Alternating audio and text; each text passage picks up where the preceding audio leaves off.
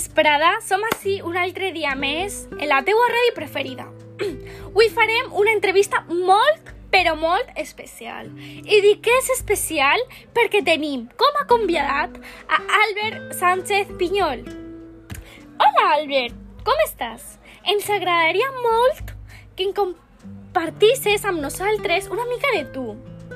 Com, per exemple, on vens, què et va inspirar a inscriure, quals són els teus gaudiments de la vida. Vull que et lluïsques amb nosaltres i facis que aquesta entrevista siga especial per a tots. Perquè volem conèixer més. Et deixe parlar. Hola, com ja sabeu, em dic Albert Sánchez Pinyol, vaig néixer a Barcelona el 11 de juliol de 1965. Vaig estudiar antropologia a la Universitat de Barcelona. I als anys 90 vaig començar una tesi doctoral sobre els pigmeus, que no pogué acabar per la guerra civil que va esclatar al Congo. Aquesta experiència va marcar la meva obra literària, iniciada per l'assaig de pallassos i monstres, que és la història tragicòmica de vuit dictadors africans que va ser publicada als anys 2000. Des d'aleshores he publicat obres de ficció, en les quals construïsc un univers molt personal, on conflueixen el meu batallatge d'antropòleg, la, liter la literatura fantàstica i de terror, les influències d'autors com Kafka, Conrad, Poe o García Márquez. Després dels relats de les Edat d'Ors, publicada el 2001, el 2002 vaig publicar La pell freda, que rebé una extraordinària acollida per part del públic, que en gaudís molt, i es convertí en una de les obres literàries en català més traduïdes i més venudes de tot el temps. La següent novel·la, Pandora del Congo, publicada el 2005 amb el Premi Crítica Serrador, que estic molt, però molt orgullós d'ell, tingué també una bona recepció, com també els, contres, eh, els contes 13 tristos tràngols. Amb Victus, a Barcelona, 1714, que va ser publicada en 2012, una recreació novel·lada de successió i la repressió borbònica a Catalunya. Amb aquesta novel·la jo vaig canviar de temàtica per poder centrar-me en un conflicte històric que no va tindre cap element fantàstic i va ser relatada amb una gran cruesa.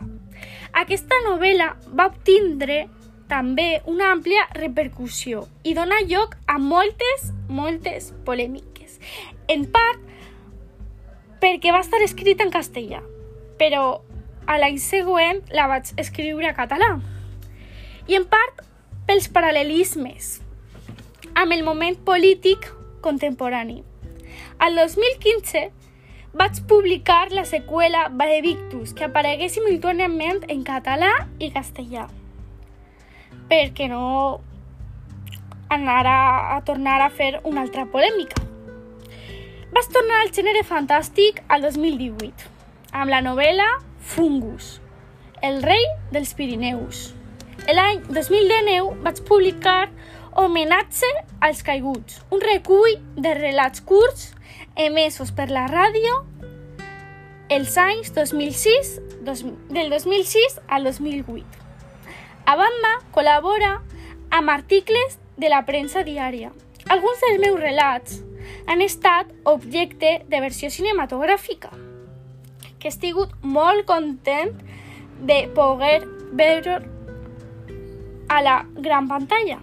El 2012 s'estrena El Bosc, dirigida per Òscar Aibar, basada en el conte homònim de les edats d'or, amb el mateix guió. Per altra banda, el director francès Xavier Chens va rodar Cold Skin a 2017, versió cinematogràfica de La pell freda.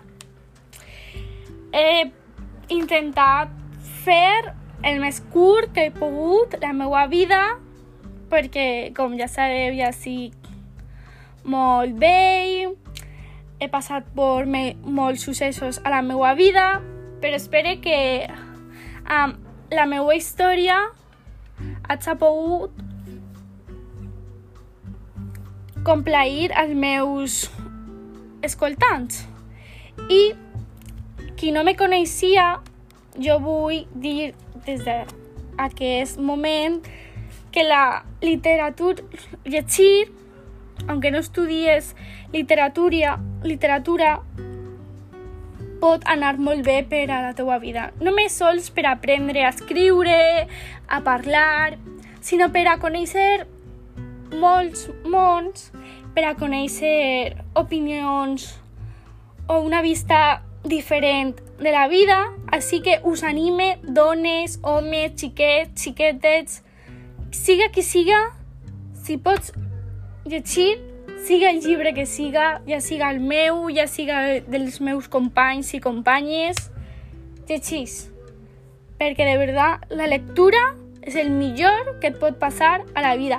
I també us anime a escriure. Ja siga història, perdó, un fet històric, la teua vida, un fet fantàstic, és meravellós.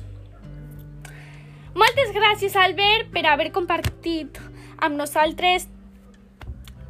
Estem molt agraïts. Fins a la setmana que ve. Espere que ens puguen escoltar. Moltes gràcies i adeu.